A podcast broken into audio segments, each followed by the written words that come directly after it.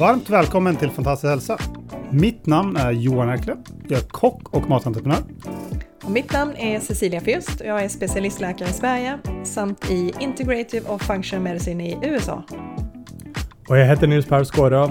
Jeg er performance coach, kostholdsveileder og idrettsutøver. Och med den här podcasten ska vi hjälpa och inspirera dig på vägen mot en fantastisk hälsa.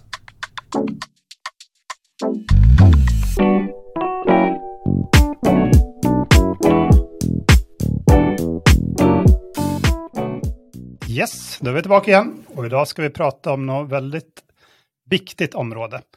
Och det är övergrepp och våldtäkt. Så välkommen! Veckans gäst idag är som sagt Ingrid.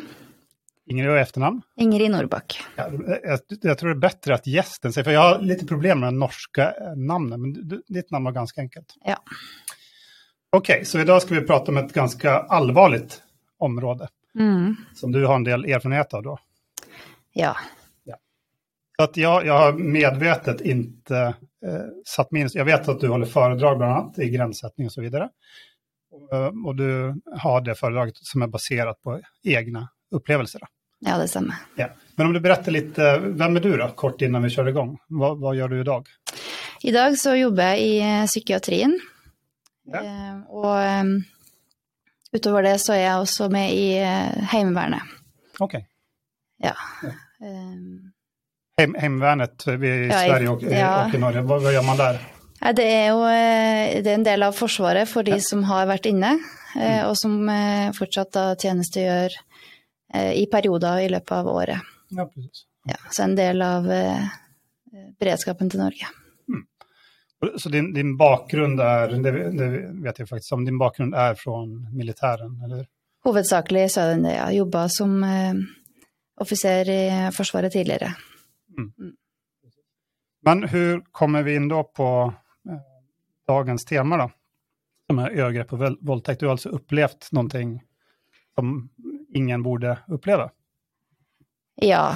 Um, da jeg jobba i Forsvaret, først og fremst så skal det sies at den tida var en veldig fin periode. Jeg har mange gode minner derifra, og, ehm, og det har gjort meg til den jeg er i dag. Eh, Men i dag så er det ikke de gode minnene som vi skal snakke om. Nei. Nei, litt mer de ubehagelige, vonde minnene. Noe hendte der. där. Ja. Hvor lang tid tilbake var det? Ja, det er litt forskjellig, eh, for ikke gå helt inne på tidsperioder for å eh, skjerme noen, da. Nei, precis. Ja. Så, men eh, vi skal en del år tilbake. Ja. Og det er flere hendelser, men i all hovedsak så tenkte jeg skulle fortelle om én hendelse i dag. Ja. Jeg jobba som lagfører, eh, og eh, da hadde jeg en kjæreste på den tida. Eh, Han skulle komme og besøke meg, men akkurat eh, den dagen så Av ulike årsaker så kunne han ikke komme. Okay. Så da tenkte jeg at da går jeg litt sammen med mine andre kollegaer. Jeg ble invitert med inn i baren og tilbudt eh, en øl, så jeg takka nei, da. Det ville jeg ikke den dagen. Jeg var litt, eh, jeg var litt mutt den dagen, for ikke han kjæresten kom, da. Eh, De som var der, tok ikke det nei-et for et nei. Og eh, fortsatte egentlig å spørre om jeg ville ha, og jeg sa nei igjen, at det var jeg ikke interessert i. Og eh, deriblant så satt det da en kaptein i det rommet som heller ikke tok til takke med det nei-et, og han starta da å beordre meg til å drikke. Jeg sa nei igjen. Eh, Han beordra da mine kollegaer til å eh, sette meg ned i stolen og holde meg fast, og bøkka hodet bakover. Oi. Og så helte de meg øl. Eh, Det var jo en ganske sånn hard drikkekultur på den tida, så akkurat den hendelsen her var ikke veldig unormal. Men i ettertid har jeg skjønt at det er jo ikke greit. Eh, Men jeg sa nei, eh, som sagt, gjentatte gang. Eh, Det ble ikke hørt, og til slutt så ble jeg med på drikkinga. Etter ei stund, da, så inviterer han her kapteinen meg med ut av bygningen. Jeg var jo ganske naiv på den tida og tenkte at det her kanskje betydde at jeg skulle få en positiv tilbakemelding, kanskje litt ros for den jobben jeg hadde gjort, eller lignende. For det er jo gjerne sånn at man får en del tilbakemeldinger i fylla. Ja, så klart. Ja. Eh, det var ikke hans intensjon, eh, så han tok meg med litt bort fra bygningen eh, på en parkeringsplass og trakk meg tettere til og kyssa meg. Jeg skjøv han bort og sa at det her er ikke greit. Du er gift, jeg har kjæreste, og du er en overordna. Han var ikke interessert i å høre på det og ville ha med meg videre. På det tidspunktet så hadde ikke jeg noe mer motstand til å si nei, eh, sånn som jeg husker det. Eh, hadde det vært i dag, så ville jeg kanskje reagert annerledes. Eh, men med tanke på det maktforholdet som var, og den situasjonen og den beruselsen, så var det vanskelig å stå imot den situasjonen. Så jeg ble med han. Og vi gikk sjanglende bortover dit som han, han da bodde på den tida. Og ehm, jeg ble med han opp, og kjenner jo nå når jeg forteller om det, at jeg blir ganske uvel når jeg tenker på at han eh, kledde av meg den uniformen som jeg hadde på. Mm. For eh, vi hadde jo begge på uniform. Ja. Um, og hvor han da i etterkant, eller etterpå, da, la meg ned på senga og forgrep seg på meg. Jeg kjenner jo et sterkt ubehag den dag i dag. Sjøl om jeg også holder foredrag om det her, så er det um, en del reaksjoner i kroppen som, som eh, skjer, da. Um, jeg husker veldig godt at jeg klamra meg fast i dyna. Båra ansiktet ned i puta og håpa det hele skulle gå over. Um, han eh, gjentok og gjentok det han eh, gjorde. Og eh, på sett og vis så trengte han seg ikke bare inn i meg, men inn i livet mitt og inn i følelsene og tankene. Og har på en måte blitt der, da. Um, det her, På den tida så var det jo ikke en varslingskultur. Sånn som i dag, så har vi jo metoo som backer opp mye. Men den gangen så var ikke det Det var ikke noe kultur for det. Eh, så jeg kjente på en frykt for å varsle om hele situasjonen. Frykt for å bli eh, uglesett, eller eh, at det skulle spres rykter om meg, eller ja. Så jeg valgte å ikke varsle. Han ba meg jo om å ikke si det til noen for øvrig. Så som jeg sa til han den gangen, selvfølgelig skal jeg ikke gjøre det. Det vil jo sette meg i et dårlig lys. Eh, sånn som det var den gangen. Ja. Da, etter den kvelden, da, våkna våkna opp om morgenen og eh, gikk tilbake til dere som jeg opprinnelig sov, da. Så jeg husker jeg kom tilbake til det mesterommet og tok meg en lang dusj og prøvde måte å vaske bort alt sammen. Følte at jeg egentlig aldri helt ble rein nok, da. Og den har vel egentlig vedvart. At det, det, ligger som et sånt teppe over, da. Den dag i dag? Ja. ja. Så den følelsen av skyld og skam sitter jo veldig sterkt i. Selv om jeg i dag vet at det ikke var min skyld. Um, så er det noe som har vedvart lenge, da. Ja, mm. ja det forstår jeg. Det skal jeg absolutt ingen behøve oppleve. Mm. Og så blir det ekstra dumt når man har ulike rangeringer. Altså, det har vært innom mitt yrke, inom kokkeyrket også, der, når det har vært en, en eier eller en kjøkkensjef eller noe som har forgripet seg på ja. Det har vært ganska mycket media i, i Sverige sånt där också om det här. Och, och det är många andra branscher kom ju fram i den tur. Ja. Men det är ju liksom det har väl varit mycket, jag vet, jag vet inte om det har varit i Norge, men i, i Sverige har det varit en ganska stor grej inom polisen också. Jag vet inte om det kan jämföras med militären, men det är också kanske lite mer sån har det länge varit en kultur att man inte ska prata om saker och att man backar varandra lite. Mm. Så ska det ju inte vara såklart. Nei. Klart. Det, det er jo en maktbalanse som spiller inn på hele, eh, hele situasjonen. Eh, men se bort ifra maktbalansen, så er det jo utgangspunktet ikke en handling som er grei uansett, sånn sett. Men det blir kanskje litt en ekstra dimensjon ved det, da. Man skal i utgangspunktet eh, beskytte de da som er eh, under rang. Ja. Men, men vad var liksom efterreaktionen av det här? Slut, för jag vet ju att du Dag inte jobbar där. Nei. Så att, eh, som, du, som du nämnde inledningsvis. Så att, eh, vad gjorde du då? Slutade du där direkt? Eller du sa att du inte ville säga att du... Hur var processen vidare? Liksom? Ja, innledningsvis så la jeg lokk på det. Ja. Og eh, lata som det ikke hadde skjedd. Eh, det gjorde at jeg ble reservert, tilbakeholden. Eh, tok ikke like stor del i samtaler, diskusjoner eller i det sosiale lag. Eh, jeg misforsto en del situasjoner. Feiltolka signal. Mista tillit, kanskje spesielt til overordna. Etter hvert så fikk jeg en del eh, spenninger i muskulatur.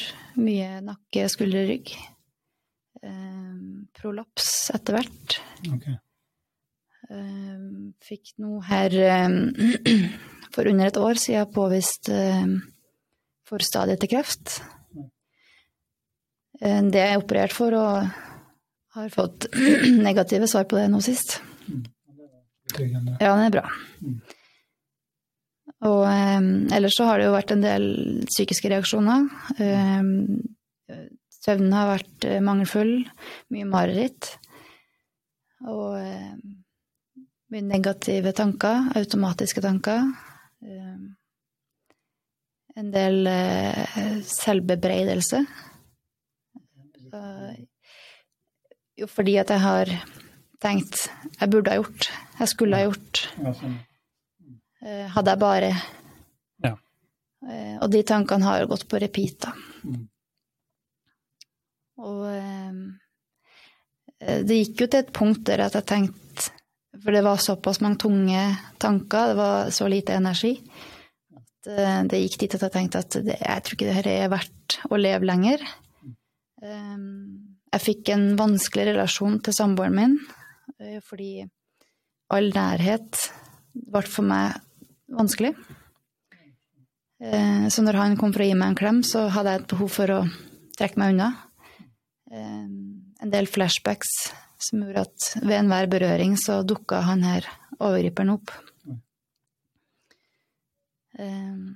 Beretter du det for din... Ja.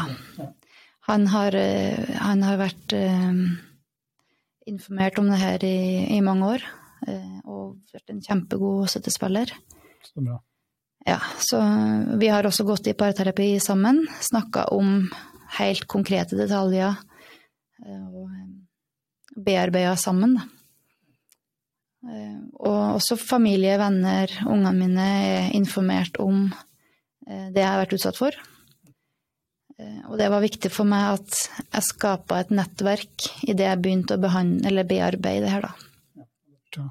Så da Idet jeg bestemte meg for at jeg skulle ta noen grep, så eh, etablerte jeg en dialog med både fastlege, gynekolog, psykolog, sexolog og familie og venner. Ok, så, at, så det tok noen år innan du kom til den punkten når du, altså, ok, nå vil jeg gjøre någonting med det, nå vil jeg få ut ordet. Ja, det tok mange år. Ja. Ja, det er vel eh, Det er vel et par år siden jeg virkelig gikk inn for å starte den bearbeidinga. Ja. Um, og i, eh, i kjølvannet av det, da, så når jeg starta den bearbeidinga, så gikk jeg vel egentlig bare enda dypere. Og sånn er det jo gjerne, da, når man skal rydde opp i et eller annet. Kanskje du hadde stengt av og så var du tvungen å Ja. gå tilbake og minne? Ja. Løfte på teppet og se hva som er under. Ja. Ja. Men det går jo oppover, ja. Ja. Etterpå. Men det är ofta det, alltså, den här podcasten handlar ju om helhetlig hälsa. Så då kanske någon tänker, okej, varför pratar ni om våld, övergrepp och våldtäkter? Och det, men det som, som, som man ser här är att för många, okej, vi pratar ibland om optimalisering av hälsa. Det kan man göra om man är i ett bra hälsotillstånd. Mm. Men om man har upplevt eh, vissa saker så är det en ganska lång resa tillbaka till hälsa. Då. Mm. Som det du sa där med de effekterna du, du fick på kroppen. Alltså opplever noe sånt traumatisk så kommer det garanterat att sätta igång saker som det gjorde för dig. Mm. Du tror i dig själv då att det var det här hälsotillståndet som blev av den händelsen som förorsakade den, den eh, cancergivande cancern också, eller? Det, det kan jo egentlig ikke jeg uttale meg om, Nei, men eh, jeg syns jo det er påfallende at eh, når jeg starter en sånn type bearbeiding med seksuelle overgrep, så dukker det opp en sånn type eh, somatisk plage. Ja. Syns jeg er litt tilfeldig. Ja, men det er, det er, väl lite så, alltså, saker är väl kanske inte så till, för, alltså, såklart så kan varken du eller jag uttala oss om det, och kanske Ja. ingen, för om man inte gör en djupgående analys så kanske inte hit- hittar det då ens, men, men det som vi pratar mycket om här, att det är ju kedjeeffekter. Ja. När någonting börjar hända med kroppen och så kommer det bli följdreaktioner på liksom cellnivå och alltihopa. Då. ja. At att, att det händer saker, det är ju, det är ju klart. Mm. Och det är det som du upplevt at skulle ingen behöva uppleva. liksom. Mm. Men det- jag tycker vi hade ju en annan eh, en gäst där som eh, skulle snacka om rosenterapi. Mm. Och så kom det sig att hon hade också upplevt övergrepp. Då, Ja. Som inte jag helt var förberedd på när vi inledde samtalet. Eh, Och då pratade vi bland annat också lite om hur, hur vanligt det var.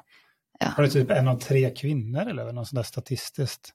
Alltså superhøyt tal. Jeg vet ikke noe statistikk på det, men det er, min historie er ikke unik. Eh, Det er, og den er heller ikke forbeholdt kvinner, men eh, det er også en del menn som er utsatt for overgrep og voldtekt. Eh, Av damer, men også av menn. Ja. Og jeg tenker det er viktig å ta med det også i denne, det her regnestykket, da, at det er ikke bare kvinner som er utsatt.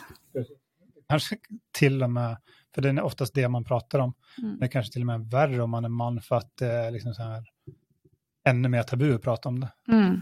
För att eh, det känns i alla fall som jag upplever att eh, det börjar bli lite mer accepterat att prata om våldtäkt och det finns fler podcast och det finns massa, massa information om, Mm. om just ämnet. Då.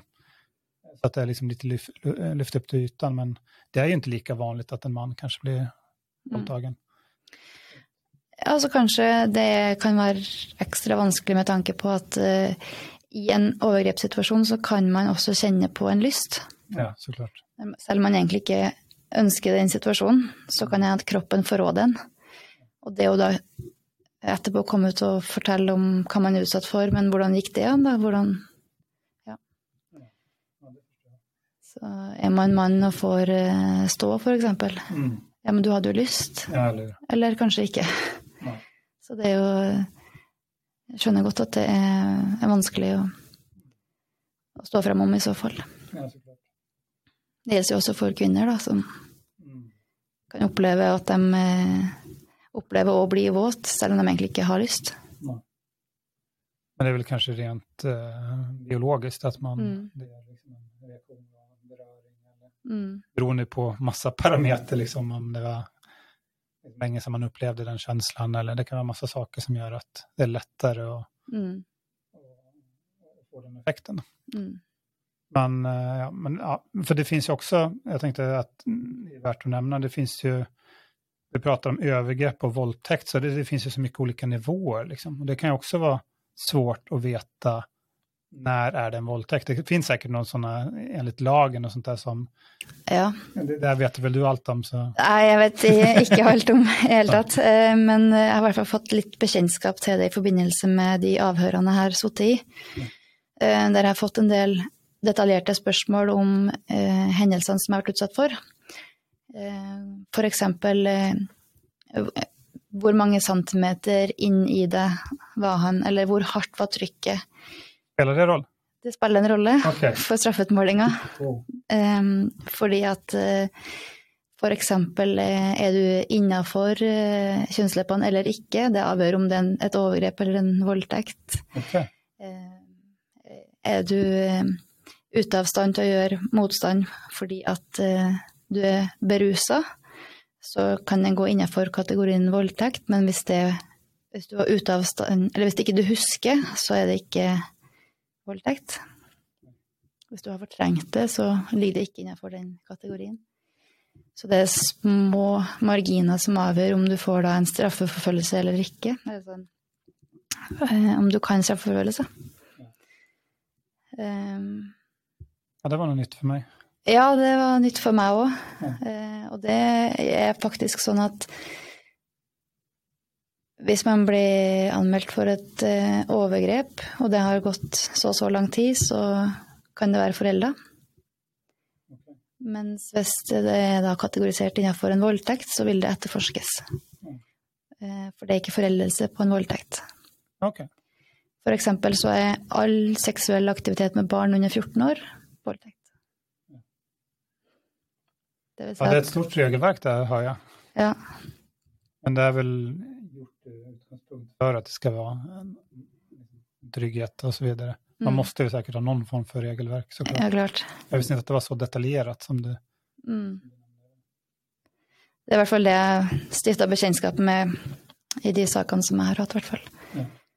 Så blir det liksom, litt som du sa der også, at det var alkohol innblandet. Mm. Det blir jo litt mer komplisert da, for at den, alkoholen gjør jo saker med kroppen. Vi hadde en egen podkastavsnitt om just alkohol. Ja. Vi også pratet, jeg vet ikke vilket avsnitt vi kom inn på det, men, men just uh, jeg, jobbar ju i, jag er kock, så jeg kommer inn fra Och där, alt på liksom nattklubbarna som man har vært på och så vidare efter jobb eller eh, och så vidare så har, ju, har man sett både det ena och det andra.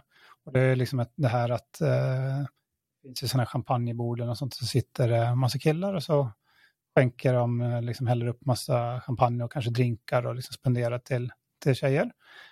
Så, mm, så jag känner också en del eh, dörrvakter i stan såklart och där jag pratade med dem och de sa ju att okej, vad är definitionen av det som håller på att hända här? Liksom, de där tjejerna kan ju knappt gå ut i nattklubben. Mm. Och så följer de med en, en hem och så dagen efter så vaknar de och så, ja men, nej, men det där vill jag nog. Men ville du det verkligen? Ja. Men det är svårt när du är så pass berusad då. Då blir det kanske en, ännu svårare för en person. Jag vet inte hur pass berusad du var, men du, du kommer ju i alla fall ihåg det. Mm. Ja, det, det blir komplicerat. Ja berusa nok til å eh, ha svarte høl i minnet, men ja. eh, overraskende mye jeg husker ja. likevel. Men det gjør jo noe med hele altså Alkoholen gjør jo at man blir annerledes. Mm. Og den kanskje også just den at man ok, men jeg var jo full og skaper enda mer ångest. og mm. Spiller også med, med, med hjernen. Liksom, vil jeg eller vil jeg ikke? Eller liksom, var jeg bare full? eller var Det er mm. mye svårere å, å tyde saker enn om man er helt eh, nykter. Ja, helt klart. Ja, det, det, just det där tycker jag också är liksom, där är det säkert massa mörkertal. Ja. För att sånne sådana som har upplevt det, det exempel jag eh, sa där, alltså när, när jag snackar med dörrvaktsbekanter så säger de att ja, men det händer ju varje helg, hela tiden. Ja. Eh, hur många av det som anmäls? Liksom? Säkert en väldigt liten andel, det vet inte jag, men mm. då hade nog talen varit ännu, ännu högre. Ja. Det, det, det är skrämmande det där när, när det kommer in i, i den, just ihop med alkohol, tenker jeg i alle fall. Det jeg syns er interessant med denne tematikken, er jo at uh, til et visst punkt så kan vi jo gjøre noe med det her sjøl. Vi kan være med å påvirke den kulturen. Ja. Um, jeg tar ikke all skyld bort ifra overgriperen. Absolutt ikke. Overgriperen har sitt ansvar. Men jeg har òg et ansvar oppi dette her for mitt eget liv, da. Eh, og hva jeg velger å gjøre videre. Um, som for eksempel det å, å søke hjelp, da. Søke støtte. Varsle. Anmelde. Si ifra. Stå opp for seg sjøl. Stå opp for andre. Hindre at det skjer igjen. Bidra til å forebygge i samfunnet. Um, der har vi alle en viktig rolle tenker jeg. Det er sikkert mye enklere nå, som du sa litt der. Jeg berättade att eh, tillbaka till den händelsen så var det inte vanligt att varsla eller säga till om sådana saker. Mm. Men efter det som vi snackade om, eh, metoo och allting som har hänt, det har varit så mycket saker nu. Ja. Det känns som att det har öppnat upp en helt annan kanal Mm. att prata om sånt där. I alla fall uppfattar jag det så. Har- Har du känt på det också, eller att det är mer, mycket mer accepterat? Ja, definitivt. Ja. Ja, ja. Det måste nästan vara som natt och dag. Ja. Så uppfattar jag det. Ja, ja, det var jo helt uaktuelt å varsle om det her den gangen. Ja. Eh, Jeg var jo utfor en annen hendelse som jeg sa ifra om, men eh, reaksjonen på det var jo egentlig latterliggjøring. Ok. Eh, Så det var ikke en kultur den gangen for å varsle i det hele tatt. Og Det vil jeg nok tro at det er sikkert subkulturer fortsatt som har det sånn. Men kanskje den store helheten er bedre, i hvert fall. Jeg frågar om det var den hendelsen da efter den første hendelsen? Ja.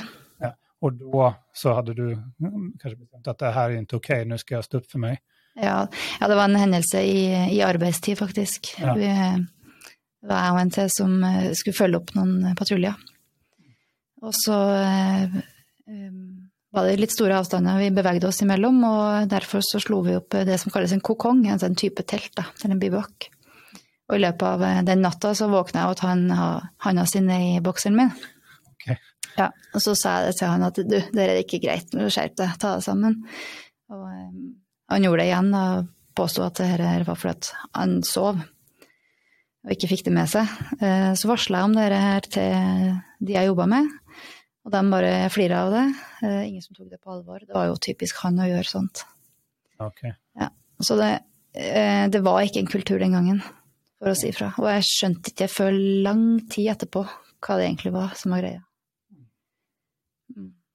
Så en- grejen där någonting som har bara varit, att det alltid har varit så? En kultur som har varit uppbyggd under flera, flera år? Det var liksom inte... Vanskelig å si, da, men eh, det foregår jo i alle eh, samfunnslag, vil jeg tro. Alle land, i ulik grad. Eh, Det at eh, på den tida da jeg var inne i Forsvaret den gangen, så var vi jo en knippe, knippe damer, da. Det var ikke så mange.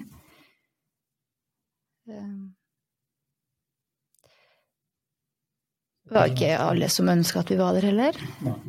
Eh, Noen ønska det, noen ønska det ikke. Jeg husker da jeg starta i Forsvaret, så, eh, så sa, sa de, var noen som sa til meg at eh, det finnes to typer damer i Forsvaret. Det er feltmadrass okay. eller traktorlesbe. Hvem er du? Jeg er helst ingen av dem. Ah, ja. Jeg er meg sjøl, først og fremst. Ja. Så det var mye som var annerledes, og det har blitt mye bedre. Eh, Det er jo kjempebra. Ja, det lät jo veldig sån... eh, som en, alltså det, det man, kar, mansidealet, liksom hur man är en man har väl också ändrats som tur var. Att liksom man skulle prata på ett sådant sett, sätt och liksom den här skärgången, liksom, det är ju föråldrat. Liksom. Man kan inte Ja. hålla på sådär. Var det också alltså, i kockyrke när jag började. Alltså, det var ju så grovt. Det var så extremt grovt. Det var, det var ju tafsing hela tiden. Ja. Och liksom alltså på mellan eh, äldre kockar, liksom, liksom på skoj och tagit på rumpan. Och så det, det var liksom, hade du varit tjej så hade det varit värre, men som kille så var det liksom, okej, så man, man, man, man, man brydde sig inte så mycket och så här är det. Liksom man, Ja. Så att eh, man, ja, det var väldigt sånt speciellt när man kom där från liksom en ung kock från kockskolan in i den där världen och så bara wow, vad hände här liksom? ja. Og så blir man bare en del av det. Ja, så är man en del av det. Så okej, så här går det till här. Mm. Alltså man märkte ju också att eh, vissa saker var ju inte alls okej. Mm. Det var ju faktiskt en grej, jag, kan, jag vet ju lite om den händelsen, den, det, blev, det var en sak som var med på Efterlyst i Sverige. En väldigt känd eh, svensk kock som, eh, som forgrep förgrep sig på unga tjejer. Mm. Och, eh, och eh, jag var en del av den miljön där jag såg han betedde sig. Mm. Och det var flera tjejer som sa till mig att han där, liksom, han är väldigt äcklig, liksom. han gjorde det här och det här. Mm. Och då reagerade jag på att det där är långt över strecket. Liksom. Mm. Så tog det några år och så fick man höra om, eh, om den grejen. Då var han med på tv. Då. Ja. Och eh, hade åkt dit såklart. Att, och det bara något år sedan så var det en annan stor grej ett av de mest kända restaurangerna i Sverige. Som Krögan som hade gjort massa liknande saker där. Ja. Jag vet inte vad som är sant och vad, hur rättegången har gått och allt det där, men han eh, slutade i alla fall. Så att, alltså det, det, jag vet ju att det har varit mycket, mycket saker i restaurangbranschen. Jag, jag var faktiskt nästan lite chockad att okej, varför syns inte restaurangbranschen mer? Den är ju Ja. väldigt brutal liksom. Ja, det var ju lite grejer där också genom eh, metoo, men det Ja. kändes som vissa branscher fick, eh, fick lite mer uppmärksamhet. ja, den eh, siste setningen er vel ikke skrevet ennå heller. Nei, det, det er sant. Så det kommer vel sikkert mer. En annen sak som jeg tenker, vi prater om det i ulike sammenheng, just det med informasjonssamfunnet. vi, eh, liksom, vi har sociala medier og alt det her. Mm. Informationen går jo så fort ut. Mm. Før i tiden om man var kändis eller var en kung eller var en, ett eller annat, då kunde man nästan kanske göra vad man ville. Mm. Men nu så, så syns det. Mm. Nu kan det vara att någon filmar det eller tar en bild eller skriver om det. Och så, innan så kanske det är okej, en person skrev en sak och så spelar det ingen roll. Men nu kan du tagga personer och så kan du få en spridning i sociala medier så att det når flera tusentals människor. Ja. Så att det, det är, det, det tycker jag är positivt. Det, det är mycket svårare att vara, göra något dåligt. Då. För Ja. Det syns Ja. på ett helt annat sätt. Det er litt annerledes. Det vet jag inte om du har märkt med. Du har ett föredrag nu, det, det sa vi lite inledningsvis. Ja. Som handlar om, du pratar säkert om det du pratar om nu och det handlar lite om gränssättning. Ja. Eh, har, du, har du fått, uh, vad liksom feedbacken på det? Du, du kanske inte har hållit på länge med det eller? Jeg starta med foredrag nå i høst. Ja.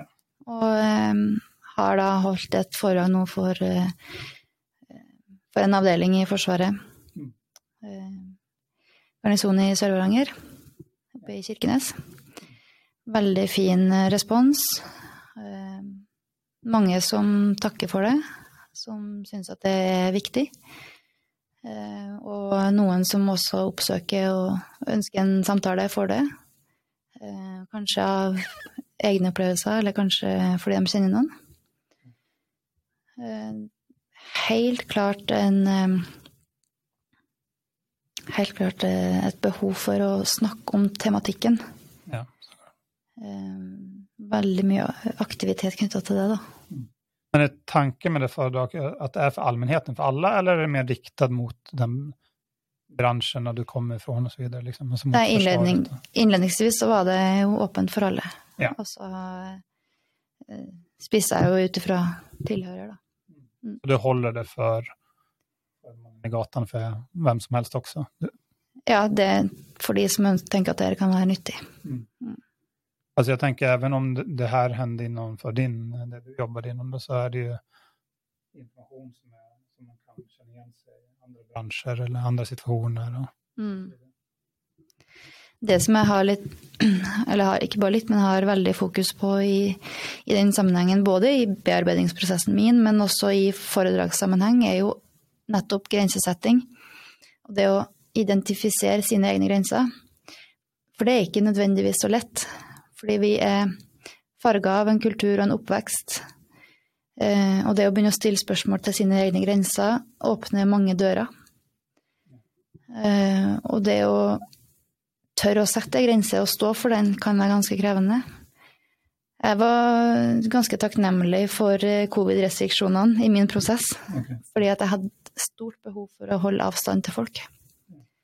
Um, og eh, sånn sett så kom de restriksjonene på et bra tidspunkt. Ja. Uh, og det å finne ut av eh, hvem er jeg, og hva står jeg for, hvor går mine grenser, hva tillater jeg av den personen, hva tillater jeg av den personen. Uh, Mine grenser i går er ikke de samme grensene som jeg har i dag. I morgen så har grensene mine endra seg igjen. Fordi Forklar det litt, hva du tenker. jo, fordi jeg utvikler meg hele tida. Ja. Jeg lærer noe nytt, opplever noe nytt, erfarer nye situasjoner. Og da setter jeg nye grenser. Og det er jo mitt privilegium å få lov til å bestemme mine grenser. Kanskje overfor eh, vennene mine så har jeg ei grense, mens overfor bekjente så har jeg ei anna grense. Og sånn må det nesten være. Um, jeg sammenligner grensesetting med ei landegrense mellom eh, ta et eksempel, Norge og Russland. Som er ei helt tydelig grense. Den er heltrukken, og Det står grense står på, hver side, så den er synlig for eh, begge sidene. Men likevel så kan det være lett å krysse den av at det er mørkt, eller at det er tåke eller snødrev. Og da kan man jo være uheldig og gå over grensa, selv om man ikke har det som hensikt. Så sånn er det jo med våre grenser, og de er jo ikke synlige. Nei. Så det er jo mitt ansvar å synliggjøre de grensene, men det er samtidig den andre parten sitt ansvar å lete etter dem. Og prøve å identifisere dem. Det var en tanke som dyker opp hos meg da. For det alle alla har jo sine grenser, som du säger. Det kan vara svårt för, nu när du berättar och berättar så förstår jag verkligen hur du tänker med liksom beröring och typ sådana saker, för att har man upplevt och sånt så blir det ganska automatiskt. Mm. Men en person som inte vet vem du är, om du möter en person på uh, bussen eller, som, eller kanske på en jobbsituation som kanske tar dig på axeln, nej, går det bra? Mm. Det är kanske inte okej för dig. Mm. Men det är också en sån här sak som den personen menar är bara väl. Mm. Och liksom det, vissa gränser kan kanske vara lite svårt att liksom, du kan inte dra den här storyn liksom för, Anna, nu får du inte, ta inte på mig, gå inte så nära mig för att jag har varit med om det här. Ja. Det blir liksom så, och hur ska man säga det, Nå nu är du lite nära mig. Mm. Det är kanske svårt å att förmedla en gräns också. Ja. Och göra det liksom så här så att man inte upplever som, okej, vad är det där för galning liksom? ja, ikke sant? Hur, hur gör man det liksom? Har du något tips? Du har jo Jeg mener jo at du har all din rett til å si hold avstand. Mm. Uten at du trenger å fortelle grunnen til det. Det enda att det, det kan ju uppfattas som ganske otrevligt om den person som er egentligen veldig trevlig mot deg då, Mm. som har veldig gode intentioner, Mm. men ändå så korsar den grensen gränsen. Och om man då säger håll avstånd så blir man kanskje, oj, Ja. Jeg vet ikke hur man hadde tatt det liksom. Nei, det kan jo bli en del konflikter av det. Det er helt Ja. klart. Ja. Men da tror jeg kanskje vi er mer inne på det her med å, å kommunisere og ja. Um, lese av kroppsspråk og stille noen spørsmål. Ja, at det er jo en, et tosidig ansvar i, i den settingen der, da. Mm. Ehm, mm. Men ok, du sa jo at med covid at det var bra med litt avstånd. Eh, Innan så har ju liksom, det var ganska mycket kläm, kram, Mm. ganska kultur då, att man liksom, hej, liksom som folk som man kanske inte känner så väl, att man liksom Mm. Det kanske hade känts obehagligt för dig då, då med folk som inte du känner så väl. Uh, i, I de periodene der det har vært litt mørkt og tungt, så har det vært krevende. Ja. Men utover det, i, i bedre perioder, så har jo det òg gått bra. Det har litt med uh, hvor er jeg òg i min prosess, da. Så det er jo noe helt annet nå enn det var for ett eller to år siden. Mm. Och Det kan jo faktisk være og det man merker man just når man ser og leser kroppsspråk og sånt, at nå eh, till och med när det kanske börjar öppna upp, nu är vi tillbaka i liksom en dystrare covid-tid, men innan det öppnade upp så var folk fortfarande lite så här, är du på, kram, Ja. liksom, kramas du eller hur, hur, är det för dig liksom? Ja. Och då är det helt okej att säga, nej men jag är lite försiktig liksom, och då behöver man inte förklara det. Nej. Eh, Den personen kanske har en eh, förälder någonting som är sjukt, det vet man inte, men, men det var helt okej, man frågade inte, okej varför är det så liksom? Orsaken var inte så noga. Jeg tenker jo Når du ser det du sier nå, så får det meg til å tenke litt på eh, da vi var unger. Eh, så var det jo gjerne sånn at det kom en voksen og skulle klemme deg flat. Ja. Fikk nesten ikke pust, ikke sant. Nej, det är sant. Men, eh, og da har man jo i utgangspunktet som barn lov til å si 'jeg har ikke lyst til å klemme deg'. Jeg kjenner deg ikke. Du er er venn av en venn av en venn. Jeg har ikke noe med deg å gjøre. Og i så tilfelle så tenker jeg det er viktig å lære unger også å sette grenser. Og si at eh, du må faktisk ikke gi en klem til alle. Ja, det är en bra poäng. Som ung så är det kanske lite lättare att komma undan med lite saker, för då kan man liksom typ fräsa till och bara vända på sig eller Ja. nej, eller liksom man kommer undan med väldigt saker som hade en vuxen gjort så, så hade man uppfattat som väldigt konstigt. ja. Så att, men det är sant, barn, jag har jo en liten dotter och det är jo viktigt att hon sig sätta gränser. Liksom att det är lätt, liksom, ett barn, barn så så söta, alla ska klämma på dem. Hon kanske inte vill det. Just nu kan hon inte prata, så nu kan hon inte säga till. Ja. Jag, jag är väldigt, väldigt glad henne. Jag gillar ju liksom pussa på henne, för jag tycker det är så mysigt. Men ibland så märker jag att hon drar kinden åt sidan, då vill hon säkert inte det. Ja. Så jag vet inte vad orsaken till att hon inte vill det. Alltså jag vil vill ju verkligen bara väl för henne. Ikke sant? Men eh, ja, hon tyckte jag kanske hade stickigt skägg, eller det spelar kanske inte så roll vad orsaken men hon kanske inte ville det. Mm. Att, eh, ja, det är intressant just när det kommer till barn där. Ja. Och lärdomen bara vi vuxna kan ta från... Jeg har lært, eh, jeg har lært noe av ei dame en gang som jeg syns var eh, veldig bra. Og det var da ungene mine var små, og de gikk i, eh, i barnehage. Så sa hun til meg, hun er dama, at eh, for å kunne eh, for å kunne klare å oppdage et overgrep i en sånn situasjon der de barna er avgitt til noen annen, så et triks er jo da å eh, få barnet til å fortelle om de på, i barnehagen bruker hansker Okay. i skiftesituasjon. For det skal de jo. Og hvis en voksen ikke bruker hansker, så er det en måte barnet kan si ifra om at det her er ikke greit. Så det er en måte de kan varsle på. ok, ja, det var noe nytt. Ja. Fordi et barn vet ikke nødvendigvis hva som er greit og ikke greit. I det ene øyeblikket så blir man skifta på, i det andre øyeblikket så er det en handling som, ikke, som barnet ikke ønsker. Mm. Så det å bli bevisst på sine grenser, men også barns grenser, og starte tidlig. Ja.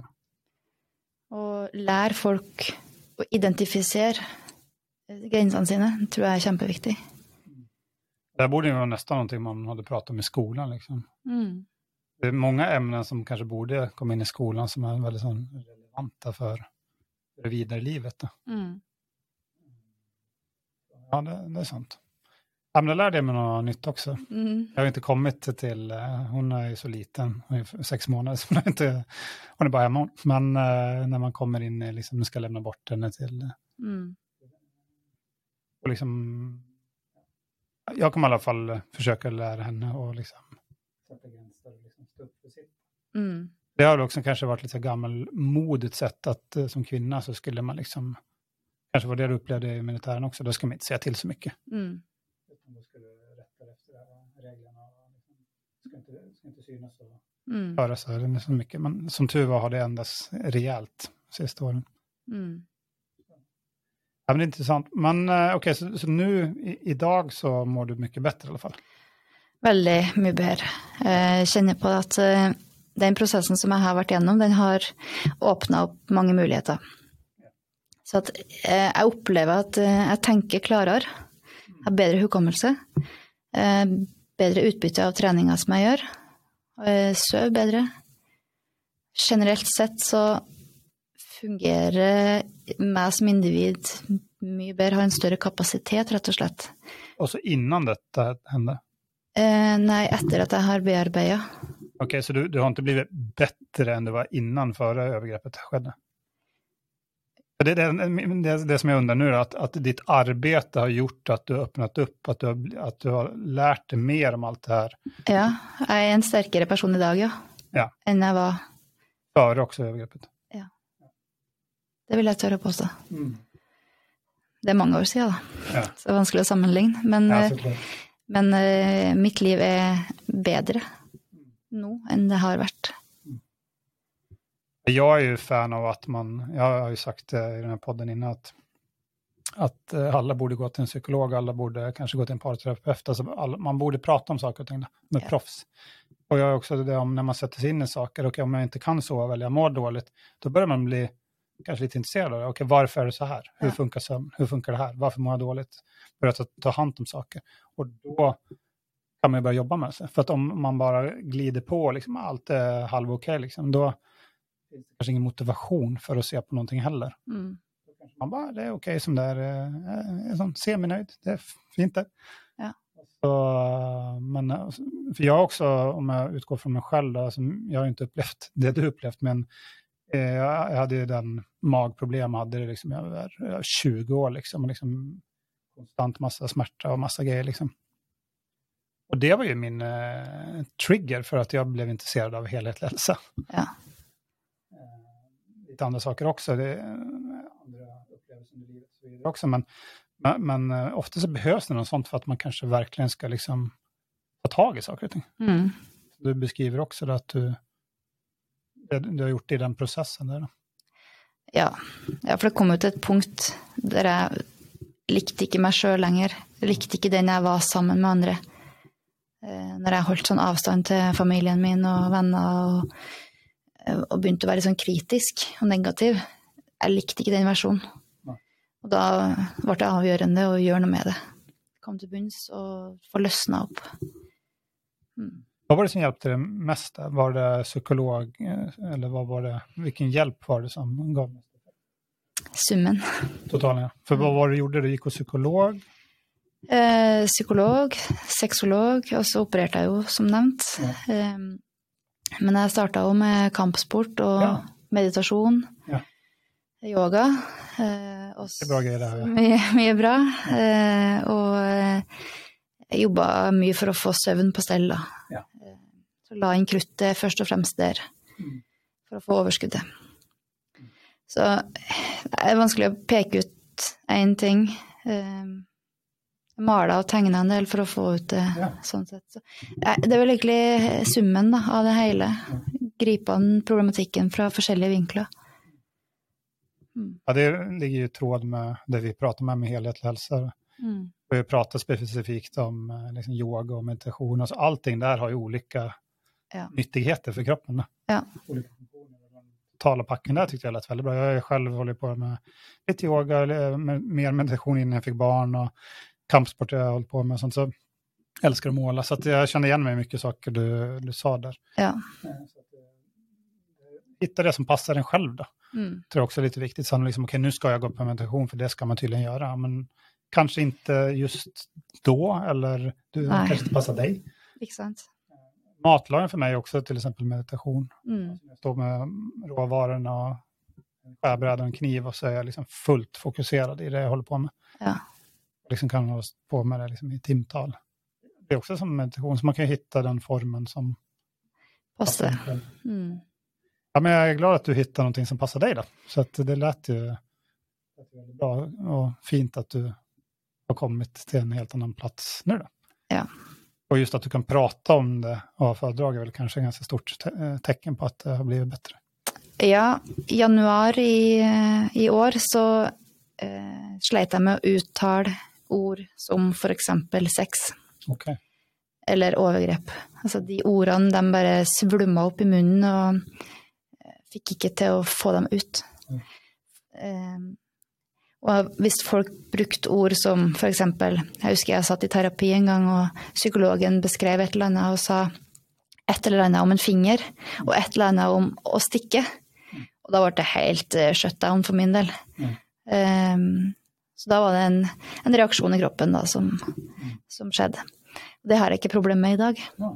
Det er jo veldig bra da. For Ja. det var ikke så lenge siden. Nei, det er ikke så lenge siden.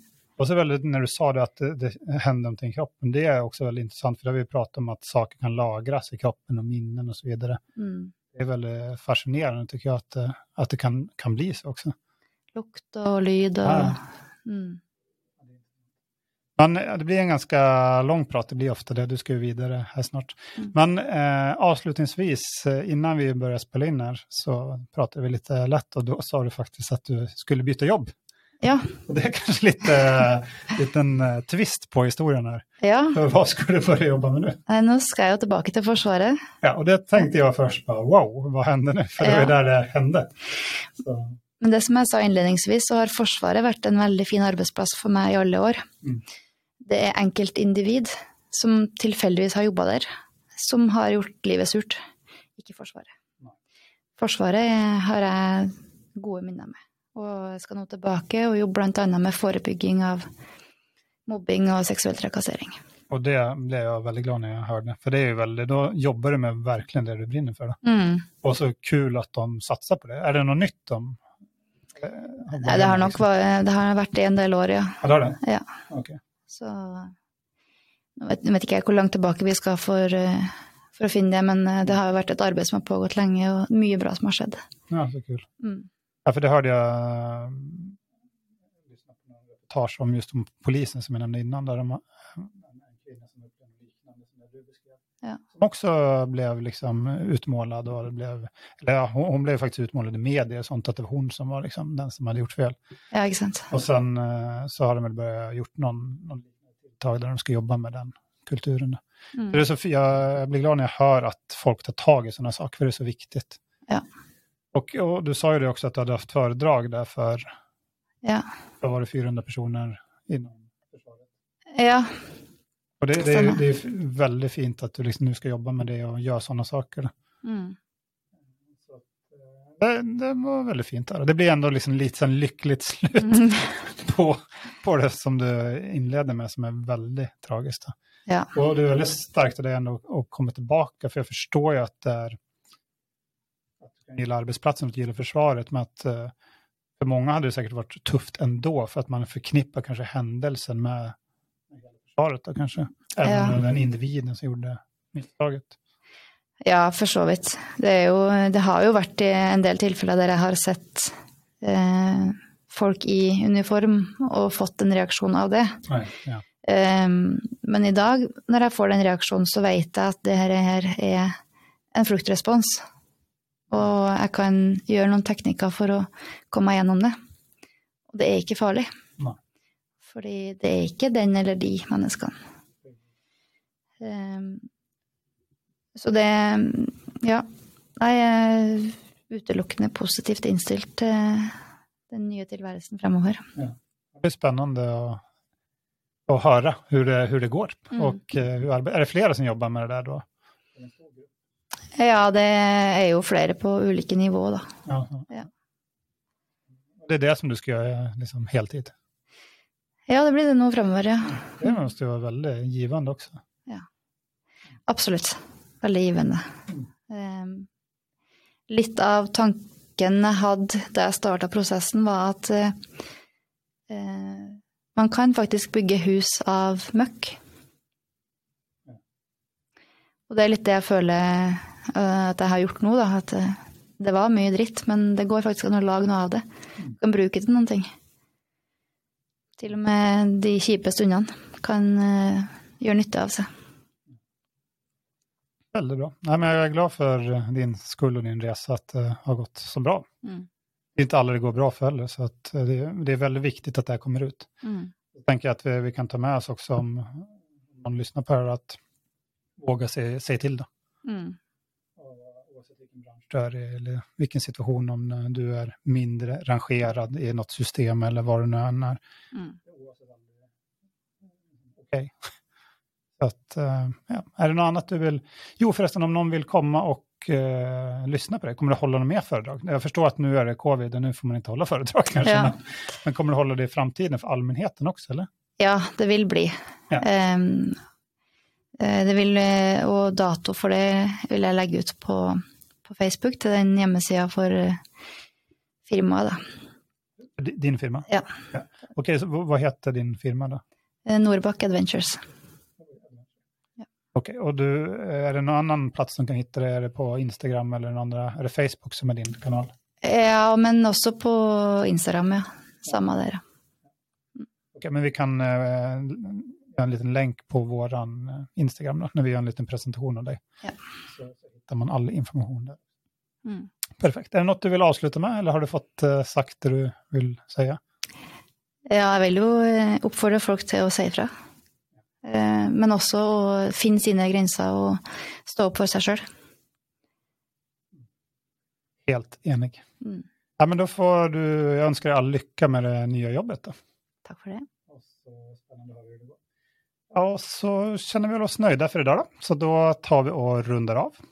Eh, och så är vi tillbaka nästa vecka, helt vanlig ordning, men ett nytt område. Det får ni höra mer om då. Så tack för idag. Tack, tack. Takk for det. Du kan följa med på vår hemsida fantastiskhälsa.com eller på vårt Instagramkonto som är fantastisk hälsa i ett ord.